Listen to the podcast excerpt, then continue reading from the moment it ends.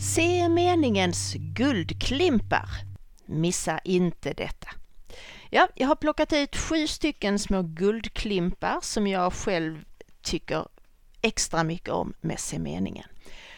Och det första är meningsarkivet.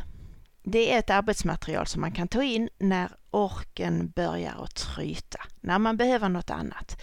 Det är ljuvligt roligt att arbeta med och det är ju en källa till diskussioner och jämförelse.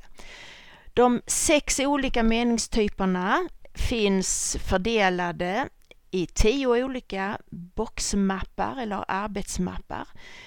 I varje finns det färdiga arbetspåsar för åtta grupper i klassen. Eh, det är, och i varje eh, arbetspåse finns där tre olika meningar så att i, i varje boxmapp är det alltså 24 olika meningar som man kan arbeta med.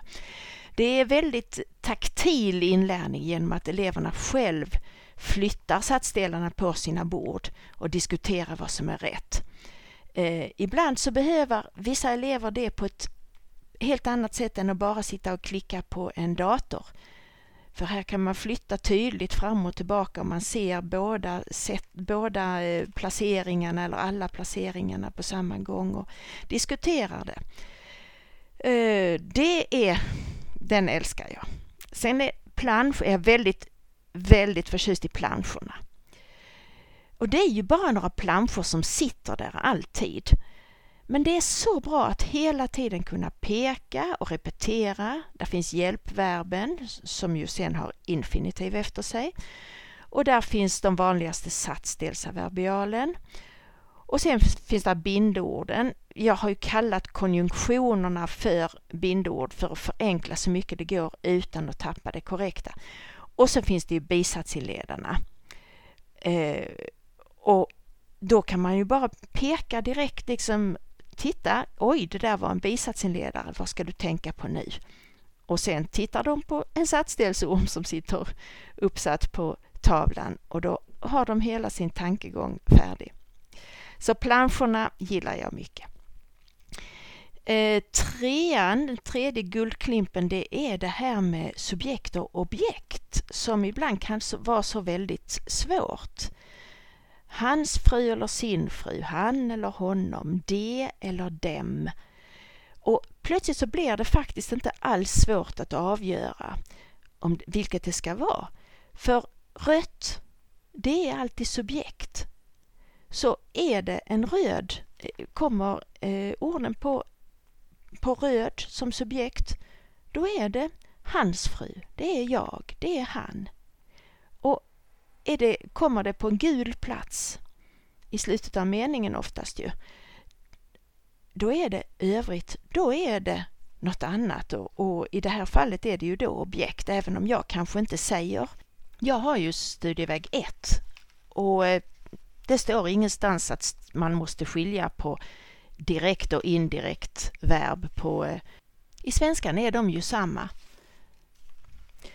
Då går vi vidare. Eh, och det är att det blir så tydligt att det är på verb 1 det alltid ska finnas tiden. Det är den som ändras efter tiden och det finns aldrig tid på verb 2. Verb 2 det kan bara vara infinitiv eller supinumformen. Det är alltid verb 1 som ska visa tiden.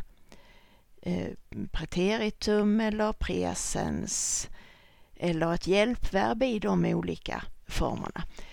Eh, och sen kan jag ju säga att det är faktiskt ganska tidigt, tydligt också att finns det ett verb som har att framför sig, att sjunga, att skriva, då finns inte de på verb 1 eller verb 2 utan de är alltid extra. Gul färg kan också faktiskt vara röd färg. Så här, att sjunga är roligt. Där blir det ett subjekt faktiskt. Men vi fortsätter till femte och den älskar jag. Om det kommer en bisats först i meningen då är det satsdelsormen med omvänd ordföljd som, som gäller alltså. Jag tar fram satsdelsormen med omvänd ordföljd, blå först. Då sätter jag hela bisats ord, eh, hela bisats, satsdelsormen, hela bisatsen snett över plats 1. Och då ser man ju tydligt att ja, sen är det verb 1, subjekt, satsadverbial. Inga konstiga förklaringar utan bara bisatsen tvärs över plats 1. Eh, nummer 6. Man måste inte minnas alla svåra grammatiska ord. För färgen ger minnesbilden istället. Och det som räknas i nationella provet och i samhället är inte om du kommer ihåg de grammatiska orden. Det är om du kan kommunicera via tal och skrift på ett bra sätt. För studieväg 1 kan det här sättet med färger betyda mycket. Man behöver naturligtvis något slags gemensamt grammatiskt språk i klassrummet. Eh, men man väljer själv vilken nivå man lägger det på beroende på eleverna man har. Kan de de grammatiska orden från en annan utbildning de har gått innan, då är det ju klart det man ska göra.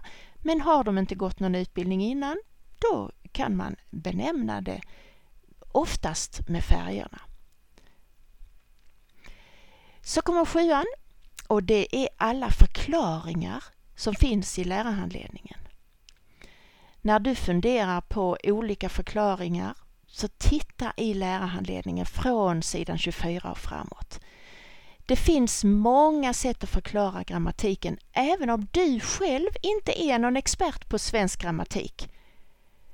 För du och vi alla använder ju grammatiken hela tiden. Och i lärarhandledningen så finns alla de förklaringarna på ett enkelt, lättillgängligt sätt. Man kan nästan säga att lärarhandledningen nästan mest är till för de som inte är experter på grammatik. Så att ni också kan hjälpa till med att förklara för eleverna när de skriver och talar. Så har många på skolan samma benämningar och samma sätt att förklara problematiken. Vi är ju inte bara en lärare i en klass utan ofta så är det ju flera som hjälps åt. Lycka till!